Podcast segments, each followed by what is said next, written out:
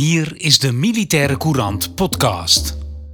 Ik ben hier in de bevelhebberskamer op de Kromhoutkazerne, uh, de bevelhebberskamer van uh, generaal Wijnen. En wat helemaal mooi is, hij is hier ook uh, erbij.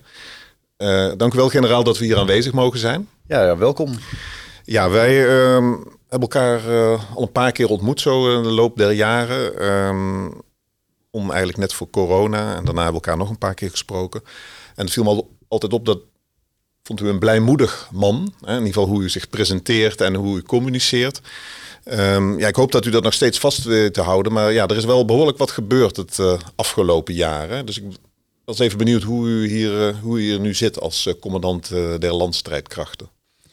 Ja, er is wel wat aan de hand in de wereld. Hè. We, u sprak al van corona, toen we elkaar. we hebben natuurlijk de val van Kabul gezien. Um, en nu sinds een jaar de oorlog in Oekraïne. Dat noemen wij ook wel systeemschokken. Uh, op zich dat het gebeurt uh, was wel voorstelbaar. Maar dat het zou gaan gebeuren was wat minder voorspelbaar. Maakte niet zoveel, maakte nog niet zo deel uit van uh, onze modellen naar de toekomst. Ja, en dat betekent dat we ehm, moeten reageren als krijgsmacht op zo'n systeemschok en ons ding gaan doen, zoals dat heet. En daarbij zeg ik, en dat is misschien een andere vertaling dan uh, blijmoedig. Maar laten we dat doen met een koel hoofd en een warm hart.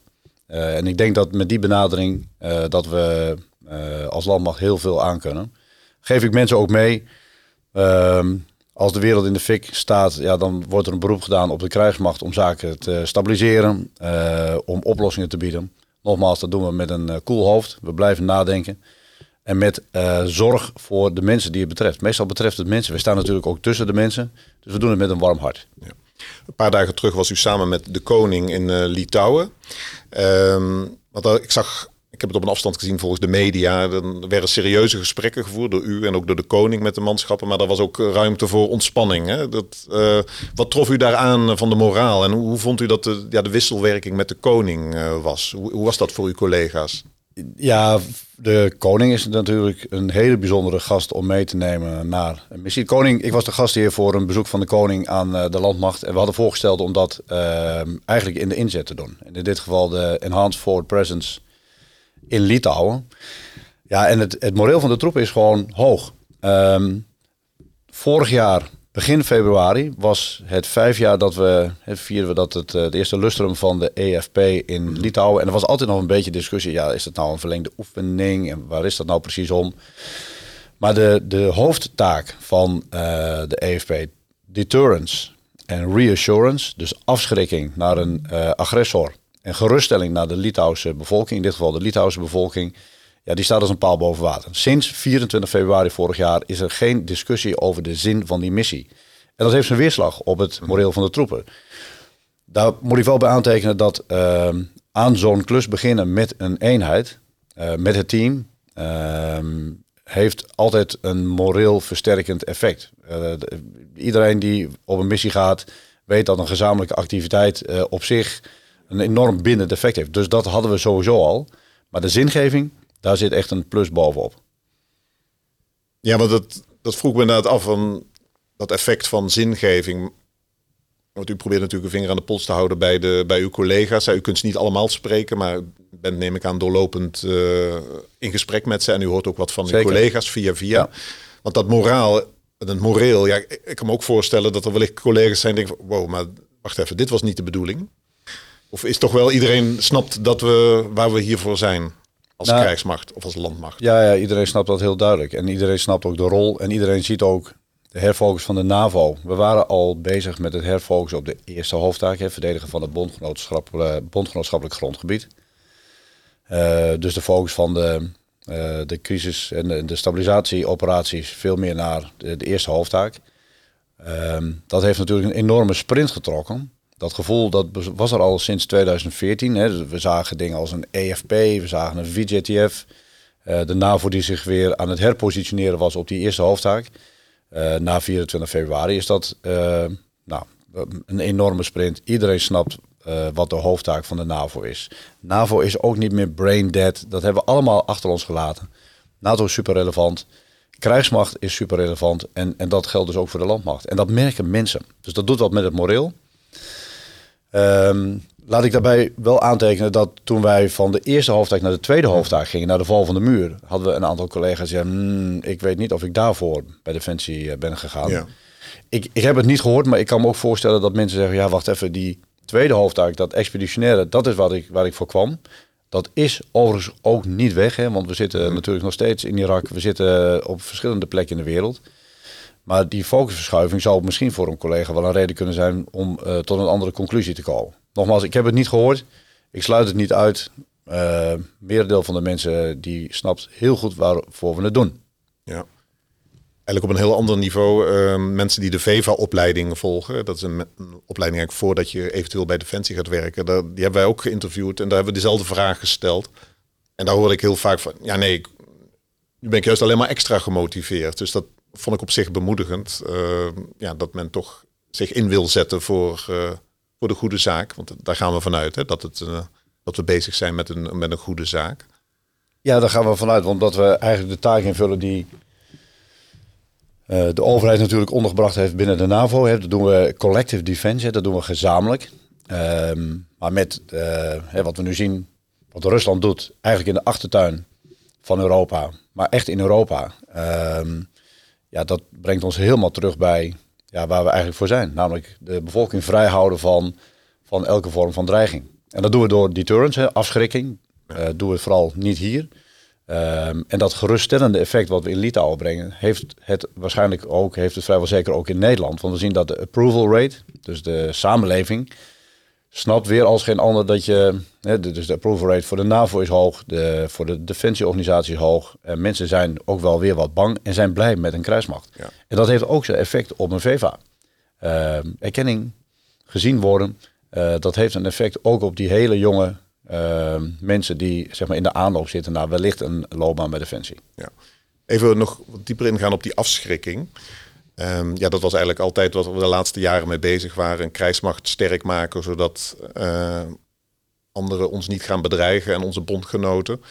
Ehm, ja, ik vroeg me eigenlijk af, ja, zijn, werkt dat nog steeds die afschrikking? Of zijn we daar toch eigenlijk niet in geslaagd als je bekijkt wat er in Oekraïne gebeurd is? Want kunt u mij daarin terugnemen? Want helaas is nu bijna alweer een jaar geleden.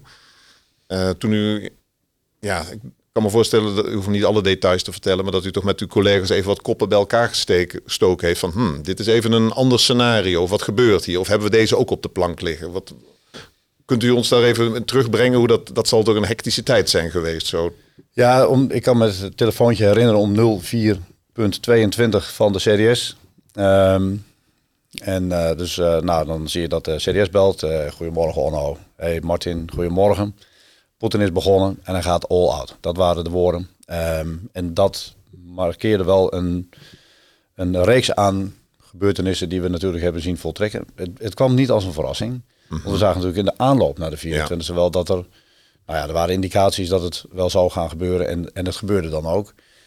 Ehm daar zitten natuurlijk wel een aantal eh, aspecten in. Ehm, puur militair gezien ga je uit van een, van een concentratie en je gaat op een, op een bepaalde plek ga je proberen een eh, militaire doelstelling te verwezenlijken. Dat was ook de militaire logica. Het feit dat hij over vier fronten eh, zeg maar in de volle breedte Ja. begon aan te vallen, dat was niet logisch. Gebeurde wel. Ehm, dus dat was dan wellicht een verrassing aan onze zijde. Ik denk dat de verrassing aan gene zijde groter was. En dan heb ik het over de, de, de vastberadenheid van de Oekraïnse krijgsmacht, de Oekraïnse bevolking onder aanvoering van de president. Die het denk ik fantastisch doet. Eh, die geen millimeter toegeeft. Eh, ik, dat kan niet anders dan een eh, onaangename verrassing zijn geweest voor Poetin. Nou, de indicaties die hebben we ook wel. En ten tweede, de mate van eenheid binnen de NAVO en binnen, binnen Europa. Ik geloof niet dat het in de scenario's van Poetin voor is gekomen dat Zweden en Finland lid zouden worden van de NAVO. En dat is wel wat hij er gratis bij gekregen heeft. Dus ik denk dat het uitstekend heeft gefunctioneerd.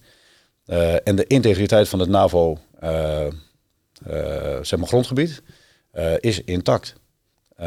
Let wel, Oekraïne is geen lid van de NAVO. Het NAVO-grondgebied, de integriteit is al die tijd gewaarborgd gebleven. Dus de NAVO heeft uitstekend gewerkt. Ehm, het geeft me enig ontspannen gevoel dat u dit zo vol overtuiging zegt.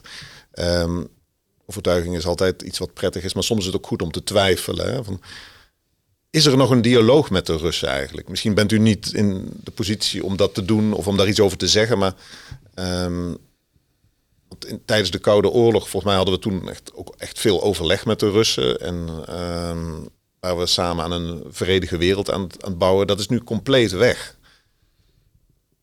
Ik snap die kracht en die overtuiging die we uit moeten stralen en die eensgezindheid, dat dat super belangrijk is. Maar wordt er ook nog gezocht naar openingen? Nou ja, die liggen dan niet ehm, binnen uh, zeg maar de krijgsmacht. Dat is vooral de diplomatieke wereld. Ehm, kijk, waar ik de kracht uitstraal en waar ik daar ook wel grond voor heb, is wat we als militaire component binnen dat conflict scenario zien. Maar er is natuurlijk meer dan dat. Uh, er zijn de economische sancties, er is het diplomatieke overleg. En daar absoluut een punt. Dit conflict gaat een keer eindigen. Um, en die eindigt niet op het slagveld, die eindigt aan de onderhandelingstafel. En daarvoor moet je met elkaar spreken. En die bezorgdheid deel ik ook wel. Uh, dat de sterke wil om um, niet te verliezen bij de Oekraïne prijzen we. Uh, maar we zien de sterke wil om toch uh, Oekraïne in te nemen nog steeds bij Poetin. Die is daar ogenschijnlijk onvermurwbaar als agressor. Ehm, en hoe dat verder gaat, ja, dan moeten we met een koel hoofd en een warm hart voor al die mensen die lijden onder het oorlogsgeweld, moeten we daar alert op zijn. Dat is het, denk ik het werk voor de diplomaten. Um, en daar kunnen we ons wel wat zorgen over maken, want Poetin wil van geen wijken weten. In de jaren tachtig was dat volgens mij Sting, de zanger Sting, die het nummer had I hope the Russians love their children too. Hè? En uh, nou, nou ja, dat dat zo is. Ik denk dat die vraag inmiddels na een jaar wel beantwoord kan worden. Dat ze dat kennelijk niet zo doen zoals wij dat doen. Ja, in ieder geval de, leiding, of Poetin en de mensen, de, de, op de straat, uh, laten we daar nog hoop op hebben. Goed, dat even wat betreft de Oekraïne wil ik dadelijk nog even op terugkomen. Maar even een ander aspect. Ehm, ja, dat de defensie en de landmacht in het bijzonder, was natuurlijk al in verandering, maar nu door de ontwikkelingen in Oekraïne is het allemaal versneld en is echt sprake van een transformatie. Hè? Dat is ook iets wat, uh, wat we ook regelmatig en uw collega's over horen praten. Kunt u aan ons uitleggen wat nu eigenlijk de kern daarvan is? Wat is er nu gaande met de, de landmachtorganisatie? Welke aanpassingen zijn nodig? Ja, wat we de aanpassingen die we doen, die zijn opgeschreven in de Defensie Nota 2022. Een boekwerk wat de, hebben een, een nota die de uh, minister uitgeeft en aan de Kamer heeft gestuurd. Uh, en als we kijken naar de essentie voor de landmacht, uh, is dat we met die nota in staat zijn om capaciteiten te bouwen die compact zijn. Van klein naar groot, niet meer van groot naar klein. die dan compleet zijn. Dus er zit een balans tussen de gevechtseenheden de gevechtssteuneenheden, de artillerie uh, en de logistiek die dat moet ondersteunen. En de C4I systemen, de verbindingssystemen die dat allemaal aan elkaar, uh, die het aan elkaar maken. Um, daar zat een enorme disbalans. Um, en dat gaan we nu zeg maar, met deze defensienota herstellen. Die capaciteiten, daar gaan we in investeren om uiteindelijk competitief te zijn. Uh, voor de eerste hoofdtaak. En dat is niet alleen een een fysiek verhaal hè, van wapensysteem, maar ook een mentaal verhaal om voorbereid te zijn voor warfighting. Dus we gaan compact, compleet en competitief zijn. Um, waarbij ik dan uh, heel veel van de bevoegdheden die ik heb wil doorschuiven naar beneden. Dus de commandanten in hun kracht, dat ze veel meer dan nu in staat zijn om hun gereedstelling, uh, om daar zelf actief de verantwoordelijkheid voor te kunnen nemen. Dus ook de bevoegdheden hebben die daarbij horen. En dan moeten ze ook compliant zijn. Uh, wet en regelgeving, veiligheid, uh, daar worden ze dan ook voor verantwoordelijk. Dus dat zijn de vijf C's. Eenheden worden compleet, compact, compleet, competitief, commandant in hun kracht uh, en ze zijn compliant. Dat is de eindsituatie waar we naar streven. Ja, daar gaan we heel veel voor doen. We trekken eigenlijk de hele organisatie overhoop. Ik denk dat het de grootste verandering is sinds de Tweede Wereldoorlog. Grotere verandering dan dat we gezien hebben van zeg maar, de eerste hoofdtaak 1989 naar de tweede hoofdtaak. Um, daar hebben we ook de middelen voor. We hebben veel middelen gekregen, 40% meer budget, ja. om uiteindelijk dat dan um, te gaan bereiken. Want je hebt dan de middelen nodig, geld, spullen en ook mensen. Um, ja, want spullen die moet je laten maken. We hebben pas nog uh, admiraal de Waard gesproken over de DMO. Hè. Die, uh, die hoeven zich ook uh, niet te vervelen voorlopig. Dat, maar u bent ook met mensen bezig. Want spullen zonder mensen, ja, dat kan ook niet werken. Krijgt u uw mensen mee? Hoe, hoe, hoe, hoe probeert u hun uit te leggen wat er gaande is? Nou ja, ik, ik heb eh, zeg maar nadat de defensienota eh verschenen is, hè, juni vorig jaar, eh, heb ik, ik had mijn klas infodagen die we traditiegetrouw aan het begin van een jaar doen. Kijk even terug op het laatste jaar en dan vooruit naar het komende jaar. Die, ik wist dat die defensienota op het punt stond om geaccordeerd te worden. Na de inval van Oekraïne is die nog een tijdje aangehouden, want we kregen ineens nog weer extra geld hè, van de Kamer. Nog een keer 2 miljard erbij. Ja, sorry dat ik u even onderbreek, want u had het net over het telefoontje van eh, de commandant der strijdkrachten midden in de nacht. Eh, maar dat ik kan me voorstellen, het team wat met de defensienota bezig was, die, die, eh, ja, die konden ook weer een aantal dingen schrappen, lijkt me. Of, of opnieuw beginnen. Of eh, ja, een aantal. Ja, bijstellen. Ja. ja. dat gebeurde ook. Even, we zouden begin maart zou de defensienota afgerond ja. worden. Eh, op 7 maart kwam de Kamer bij elkaar eh, om gebriefd te worden over wat er aan de hand was in Oekraïne. Dat was een zeg maar anderhalve week na de inval. Ehm, en eh, daar lag een motie voor, waarin de Kamer eigenlijk met 130 stemmen voor eh, ervoor pleitte om sneller naar de 2% van het NAVO, het 2% bruto nationaal product als Ja. bijdrage voor de NAVO. Dat betekende een, eh, naast de initiële ophoging van het budget met 3,5 miljard, dat er nog een keer 2 miljard bij kwam. Daar hadden we wel plannen voor, maar er moest natuurlijk een, over- in een aantal maanden over gesproken worden wat, wat we dan zouden gaan doen. Uiteindelijk leidde dat ertoe dat op 1 juni de defensienota uitkwam. Op 31 mei overigens de arbeidsvoorwaarden eh, eh, klaar waren met een enorme eh, stijging, vooral aan de onderkant. Dus de lagere en de jongere rangen en de lagere rangen, dat die een enorme stap gingen zetten. Dus dat kwam keurig bij elkaar. Toen hebben we die klas infodagen eh, gedaan om te vertellen wat het zou gaan worden. Terug naar uw vraag. Hoe reageren mensen? Ja, die zeggen, ja, dat is een fantastisch wenkend perspectief, commandant. Ehm, maar hoe gaan we dit doen? Want iedereen zag natuurlijk wel de enorme opgave eh, die dit gaat betekenen in de veranderingen die we voorstaan. We gaan nieuwe kazernes bouwen. We gaan eh, verder integreren met eh, Duitsland in Duits-Nederlandse verbanden, zodat we een gelijke wijze van optreden krijgen, waardoor we, als we operationele behoeftestellingen doen voor nieuwe systemen, dat we dat samen doen. We gaan al onze systemen of vervangen of een MLU. Hè, de 790, daar gaan we voor, voor meer dan een miljard euro aan verbouwen, zodat ze nog competitiever worden dan dat ze al zijn. Maar dat betekent dat die eenheden tijdelijk zonder de 790, eh, het zonder de 790 moeten doen. Nou, en dat in de volle breedte. Eh, iedereen ziet natuurlijk, ja, die eindplaten, die is fantastisch. Maar hoe dan, commandant? En dat is denk ik de grote vraag ehm, om al die collega's erin mee te nemen. Want we weten allemaal, materieelsprojecten, ze duren altijd langer. Eh, gaat weer net niet op tijd zijn. Mensen raken teleurgesteld, want een teleurstelling die volgt meestal op de hoop en de verwachting dat iets gaat zoals het gaat. Nou, we zien dat heel Europa nu aan het, eh, aan het herinvesteren is. Het zijn allemaal wachtrijen. Kortom, het perspectief is goed. Maar nadrukkelijk eh, iedereen meenemen in van hoe gaan we dat dan stap voor stap doen.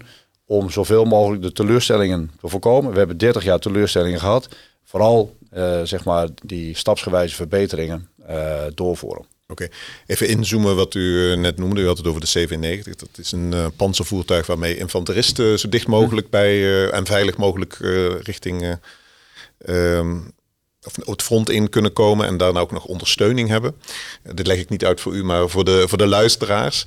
Maar u zei even om dat te combineren met de arbeidsvoorwaarden, want die infanteristen die daar dan eh, in zitten, ehm, hebben die nou het liefst eh, ze hebben nu een salaris wat hopelijk competitief is. En ik hoop dat u terugkrijgt dat ze daar ook blij mee zijn.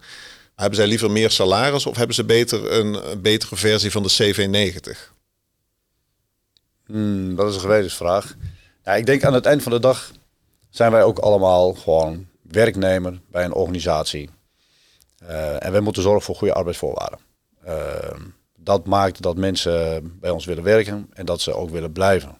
En dat is niet alleen eh, in financiële zin, maar bijvoorbeeld ook dat je in een plaatsing langere tijd in eenzelfde omgeving kunt gaan werken. Dat je daar ook je, je balans tussen privé en werk goed voor elkaar krijgt. Dus in die brede zin hebben we ook zo wel naar die ehm, zeg maar herstructurering gekeken voor de landmacht. Hè, dat je bijvoorbeeld in een bepaalde tribe zit. Je bent luchtmobiel of je bent medium force eh, in de oorschot of je bent mechanized in een havente of je bent luchtverdediger in de peel.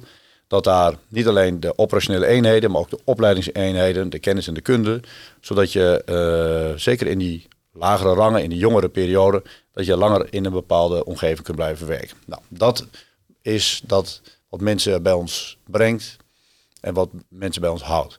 Tegelijkertijd verwacht een professional dat een organisatie de spullen levert om uh, zijn of haar werk goed te kunnen doen. Ja. Dus die goede 97, die verbindingsmiddelen, de Comet Net radio's, uh, het VOS, uh, Strong, geverspak. Ehm, ja, dat, dat eisen onze mensen en terecht dat dat voor elkaar is. En daar heb ik altijd wel wat zorg. Dat we vertellen dat er een dox is. Nou, dan gaat een producent uh, levert niet wat we verwachten. We doen dus een draagproef. En de draagproef is geslaagd, maar het spul is afgekeurd. Dat betekent weer een jaar vertraging. Daar maak je me zorgen over. Dus uh, aan de ene kant goede arbeidsvoorwaarden. En aan de andere kant, zorg nou als organisatie dat je de mensen de spullen geeft om hun werk goed te kunnen doen. Er is geen plek voor tweede plaats. Als er sprake is van een eerste hoofdtaak en we zien hoeveel de gevechten zijn in de Oekraïne, dan moet je je uiterste best doen om die mensen al die spullen te geven om in staat te zijn uh, en om ze in staat te stellen om dat werk uh, zeg maar winnend te kunnen uh, uitvoeren. Nou, dat is onze opgave. Duidelijk. En nu als, als commandant bent u nu um, als commandant en als zorg naar uw mensen toe, denkt u van dit is goed, hier, hier sta ik achter. Ja, ja ik, ik ben wel, ik, sta wel volledig achter de plannen. Maar mijn zorg zit in die transitie. Want liever hadden we dit gisteren al geregeld. En we weten allemaal dat het tijd kost. Uh, ik ben echt niet ontevreden met waar we staan uh, uh, op dit moment. de uitrusting. Als ik naar een schietserie ga, dan zie ik elke keer, maar dan zitten we drie keer per jaar, zie ik elke keer meer Scania's. Steeds minder ja. oude viertonners. Ik zie steeds meer Vos. Ik zie de nieuwe buitenjas. Waar gaat het helemaal over? die buitenjas is geweldig. Die is weersbestendig. En de belangrijkste indicator dat het werkt, is dat ik niet meer zie dat mensen zelf privé aankopen doen. Dus kennelijk hebben we iets gekocht wat deugt. Ja. De schoenen, nou, in de volle breedte. Alleen het gaat te langzaam. Het moet sneller. En dat is mijn zorg, uh, die ik ook hier in de staf uh, elke keer aan al die mensen hier in Utrecht, maar ook naar buiten in Den Haag, bij de demo. Jongens, we doen het voor de lui die uiteindelijk het werk uitvoeren waar we een krijgsmacht voor hebben. Die moeten we in staat stellen. Helder. Goed, dan hebben we het over de mensen gehad. Uh, die hebben de aandacht hopelijk nu gehad in dit gesprek die zij helemaal uh, verdienen. Maar nog iets over de organisatie. U zegt van we willen weer meer verantwoordelijke bij de commandant, hè, bij de eenheden. U zegt van dat is de grootste verandering sinds de Tweede Wereldoorlog. Ik dacht zelf wel een beetje, hmm, zei ik misschien eigenlijk net ook wel wat we in de koude tijdens de Koude Oorlog hadden. Hè? Gewoon heel veel verschillende eenheden die autonoom konden functioneren. Ik heb zelf een achtergrond bij de artillerie, dus dat vind ik wel interessant om even te vragen. Want dat is nu gecentraliseerd. Um, maar dat gaat weer decentraal worden, hoorde ik iemand zeggen. Is dat, ik weet niet of dat al bekend zeker, is. Of dat... Zeker, zeker. Uh, en dat is een van die veranderingen die we nu aan het doorvoeren zijn. Kijk, als je de wars of choice, dus de stabilisatieoperaties, kun je jezelf organiseren in depots. Hebben we gedaan. Binnen het OCL eigenlijk een aantal depots waarin bijvoorbeeld de vuursteun, laten we bij het, voorstel, of het voorbeeld van de vuursteun blijven, keurig in het harde. En we deelden het uit naar, uh, nou ja, naar, naar behoefte. Als we terug gaan naar het eerste hoofdtaak, dan hebben we het over het gevecht van verbonden wapens. Ja. Uh, en dat ga je, dat moet je voorbereiden. Dus organized to fight. Dat betekent dus dat je uh, al die effectbrengers bij elkaar brengt. Uh, vroeger heette dat het uh, manoeuvre en vuur waren onlosmakelijk met elkaar verbonden. Dat hebben we 30 jaar, dat principe hebben we gelaten voor wat het is. Want we hadden altijd wel tijd om dat bij elkaar te brengen en dan samen op te werken. Nu gaan we dat terugbrengen naar de brigades. Dus de brigades die krijgen hun eigen afdeling. met de panzerhouwitsers die ze nodig hebben om dat effect te brengen. We gaan investeren in raketartillerie. Um, dat proces dat loopt nu om daar een keuze te maken waar we dan in gaan investeren. De MMR, de radars, gaan daar worden toegevoegd. Met uh, onbemande vliegtuigen als sensor te dienen voor de diepe vuren.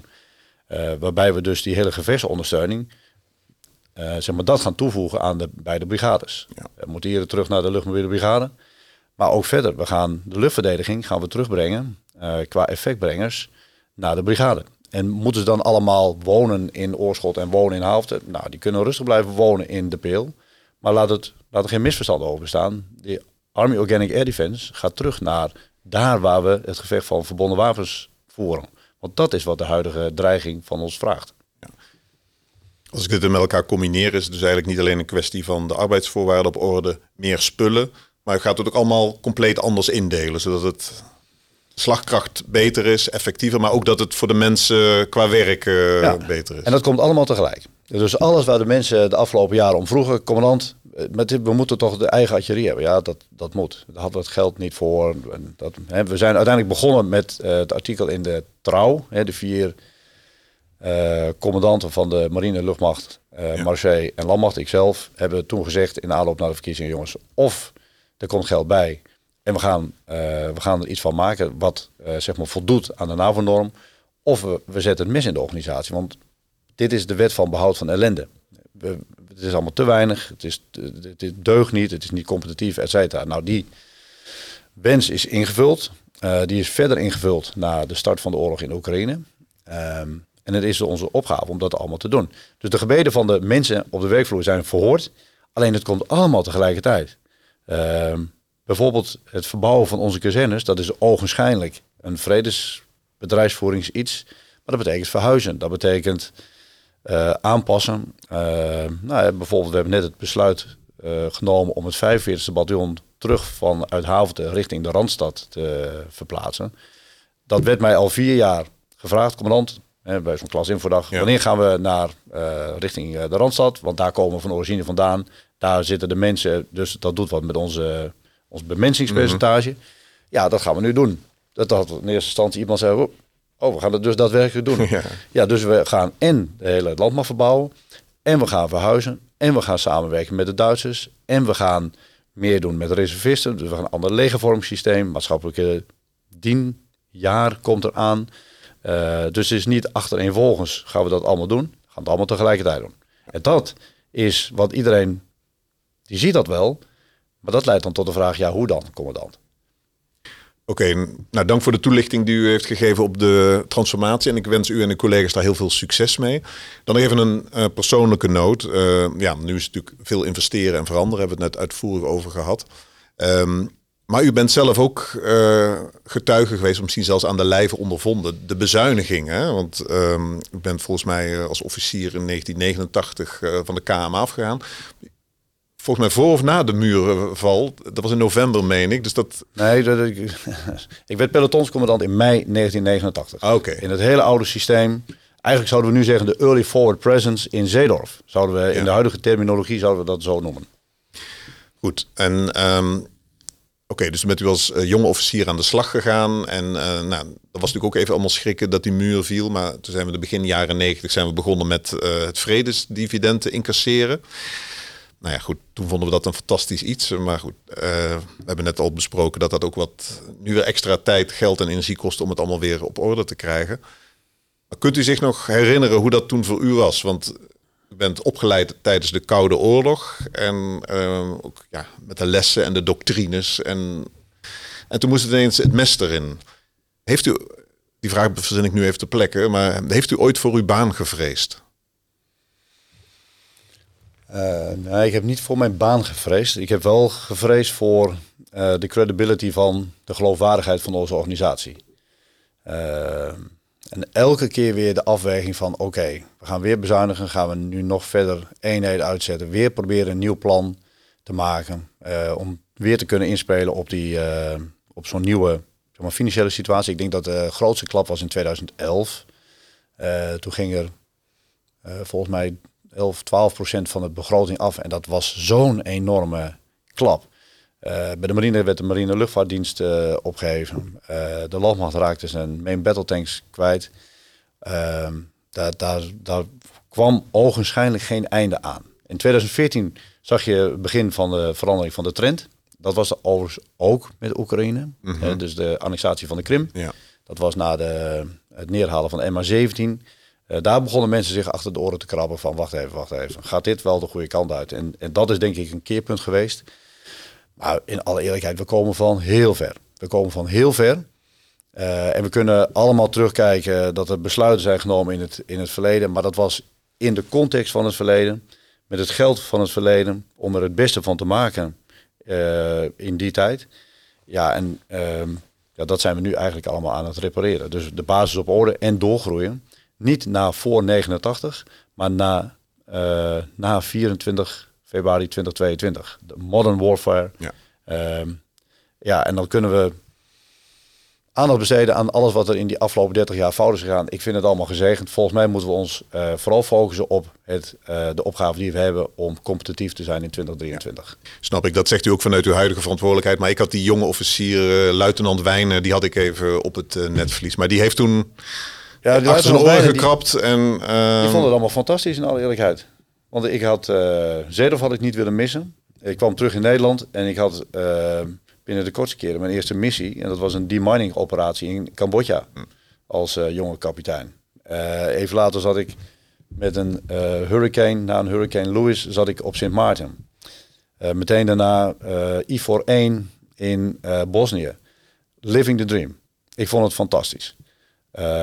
Pas later zie je dat, dat was ik, toen was ik denk ik major, overste, eh, de mobilisabele component werd afgeschaft. Uh, je zag nog meer bezuinigingen, nog meer bezuinigingen. In 2011 uh, als kolonel was het echt gewoon alarmstoel voor Eins. Ik denk dat we daar een heel deel vertrouwen verloren hebben. Jongens, wordt het nog wat met die kruismacht?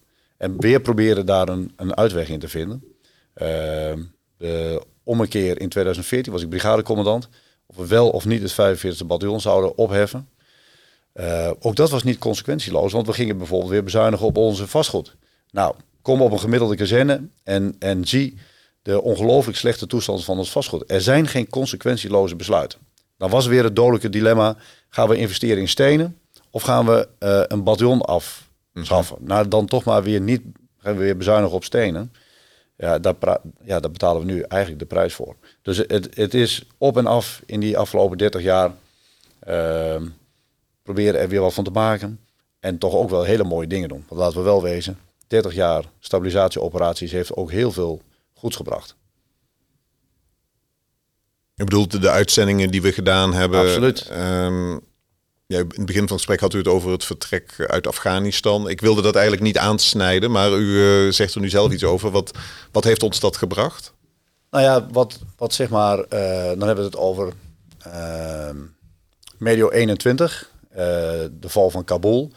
Ja, dat was al ja, dat was de vraag van wat, hoe, zit het eigenlijk met de maakbaarheid van de wereld? Uh, al die interventies die we doen, wat heeft het ons opgeleverd? En dat is in meer of mindere mate succesvol. Dus je kreeg een soort van uh, periode waarin mensen begonnen na te denken van ja, die tweede hoofdtaak, ja, is, dat, is dat de manier om te doen? Om uiteindelijk die stabiliteit en die vrede en die veiligheid in de wereld te brengen. Uh, ik denk dat dat nog steeds zo is. Hè. Laten we wel wezen, het feit dat we nu ons focussen op de Oekraïne wil niet zeggen dat het dan in Mali op dit moment veel beter gaat. Ik zou zeggen, het gaat er veel slechter. Burkina Faso, dus de hele Sahel-area, uh, dat hele Sahel-gebied wordt instabiel. Dat helpt ons uiteindelijk ook niet. Want als daar migratiestromen op gang komen, dan raakt dat Europa ook. Ehm, dus ik denk dat het het een en het ander is. Waarbij we ontegenzeggelijk nu voor de eerste hoofdtaak uh, voorbereiden. En dat is denk ik een goede keus. Want als je voor de eerste hoofdtaak georganiseerd bent, kun je een tweede hoofdtaak denk ik ook wel. Andersom blijkt het toch lastiger te zijn. Duidelijk. U noemde even Mali, maar in verband met de tijd laat ik dat even rusten. Maar, maar dat is ook super belangrijk inderdaad.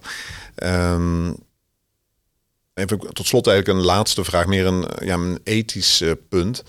We hebben het over Oekraïne gehad. Um, en nou ja, je zegt wel eens uh, het eerste wat sneuvelt in uh, een oorlog is de waarheid. Um, maar wat mij als Nederlandse burger, wat ik hoor, is dat de Russen echt verschrikkelijke dingen doen uh, op het slagveld, maar ook richting burgers en inzet van artillerie en gewoon domme wapens. En ja,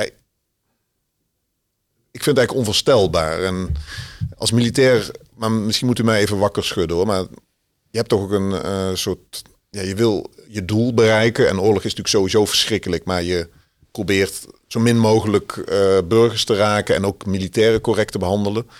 Maar dat gebeurt niet. Ik, ik snap het gewoon niet. Denkt u daar ook wel eens over na? Of, ja, wat... Nou ja, ja u, heeft, u zegt terechte dingen. Uh, de oorlog is verschrikkelijk. Um, en de Russen maken het nog veel verschrikkelijker. En dat is denk ik wat we zien. Ehm, de waarheid sneuvelt. Maar ik denk dat we voldoende beeldmateriaal, voldoende bewijsmateriaal zien. We hebben gisteren nog een uitgebreide reportage over de slachting in Bucha. Waar eh, de Russische eenheden zich ehm, eigenlijk vergrepen hebben aan de bevolking. En ze in koele bloeden hebben vermoord. Dat zien we veel meer. De inzet van wapensystemen op culturele instellingen.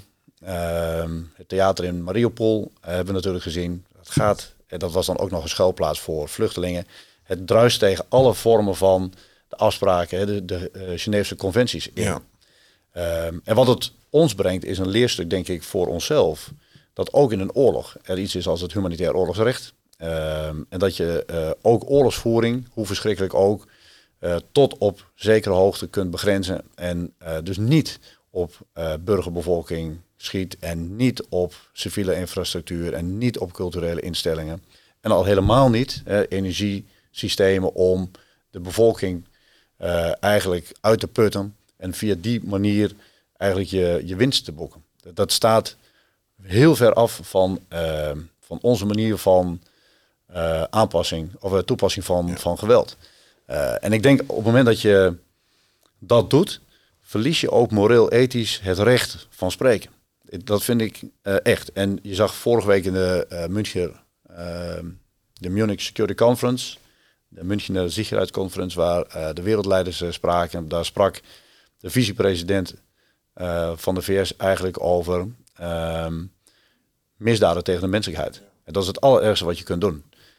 Um, nou, dat zijn niet mijn uitspraken, maar ik kan me heel, een heel eind vinden in wat zij zegt. Op basis van wat we zien. Nogmaals, dat is wat de Russen doen. Het geeft denk ik ook wel aan uh, de verschillen in opvatting over, uh, over goed en kwaad. Um, ik had, het enige wat ik, wat ik dan zie, het doet mij denken aan een boek van uh, Huntington, The Clash of Civilizations. Het is niet onze cultuur, het is niet onze manier van doen. En, en je kunt het eigenlijk alleen maar afkeuren. Voor onszelf, om te blijven benadrukken de kracht van rules of engagement, het humanitair oorlogsrecht. Uh, dat je ook als combatant het verschil kunt blijven maken. En dan maken we van heel groot Rusland naar de individuele militair. En ik denk dat dat ook een deel van onze opgave is. Als je kijkt hoe nu communiceert, dat zijn het vooral de, politici. Hè? En uh, ja, die, die communiceren, die het beeld bepalen. Dan zou het niet een idee zijn, en u mag me naïef noemen hoor, maar dat, het is toch fijn om te kunnen dromen in het leven. Dat, uh, dat u als militair, of misschien als alle commandanten van de strijdkrachten van landen zeggen, gewoon een, als militair naar militair van hé hey jongens, kom op, waar zijn we mee bezig? Gewoon een moreel appel. Dus niet vanuit de politiek, maar gewoon als militair. Nou, dat is een interessante gedachte. Uh, ik denk dat we heel veel militairen, uh, op, even zien, meer militairen op televisie dan uh, ooit zou ik bijna zeggen, om te duiden wat er gebeurt. Ook een, ehm, een oordeel te hebben over, niet alleen een opvatting, maar ook een oordeel over wat we zien. Maar om als zeg maar commandant en landstrijdkrachten van de NAVO, om daar een statement over te maken, als CDS, nou, interessante gedachte. Nou, dat, ik hou de media in de gaten. Generaal Wijnen, hartelijk dank voor dit gesprek. Weer een hoop opgestoken, weer een hoop om even te laten bezinken. Is er iets waarvan u zegt van dat zou ik graag nog onder de aandacht willen brengen? Uh, ja, dan, dan hoor ik dat graag van u.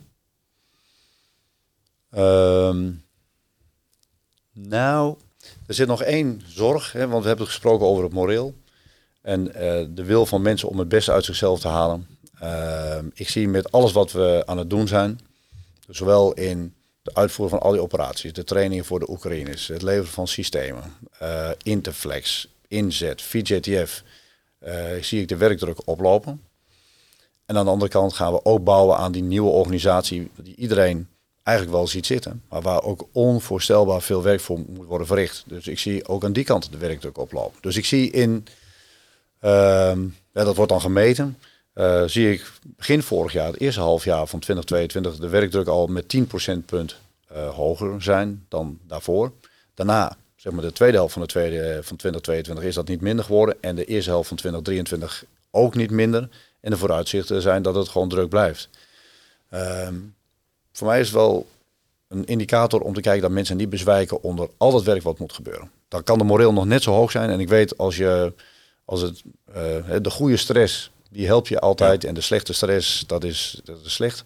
Maar er is zoveel wat mensen kunnen binnen de 24 uur die we in de dag hebben. Ehm, dus dat is wel een zorg die ik ook onze commandanten, die ik mijn commandanten meegeef. En zorgen dat we mensen niet over de spreekwoordige kling jagen.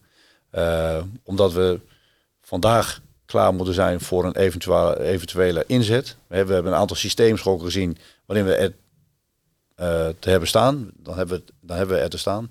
Maar ook morgen en ook volgende week en ook volgende maand. Uh, dit is iets van de lange adem. Dus zorg dat je altijd nog capaciteit over hebt. Dat je denkt van, nou oké, dan kan ik die extra stap zetten. Dat je niet nu al geculmineerd bent en dat mensen dus over de kling gejaagd zijn. Dat is wel een belangrijke zorg. Helder. Nou, goed dat u deze zorg tot slot nog even met ons deelt. En ik hoop dat uh, die, het uiten van die zorg andere uw collega's weer inspireert om gewoon uh, de schouders eronder te blijven zetten. Ja, en dat doen ze. En uh, gelukkig kennen wij het buddy systeem. En gelukkig gaan we uit van niemand is belangrijker dan het team. Dat we op elkaar letten. Maar dat moet niet alleen in woord zo zijn, maar ook in daad. Dus ja, ik zeg tegen collega's, jongens, let een beetje op elkaar. Dat lijkt me een fantastische afsluiting van dit gesprek. Uh, generaal Wijn, mag ik u hartelijk danken voor dit gesprek.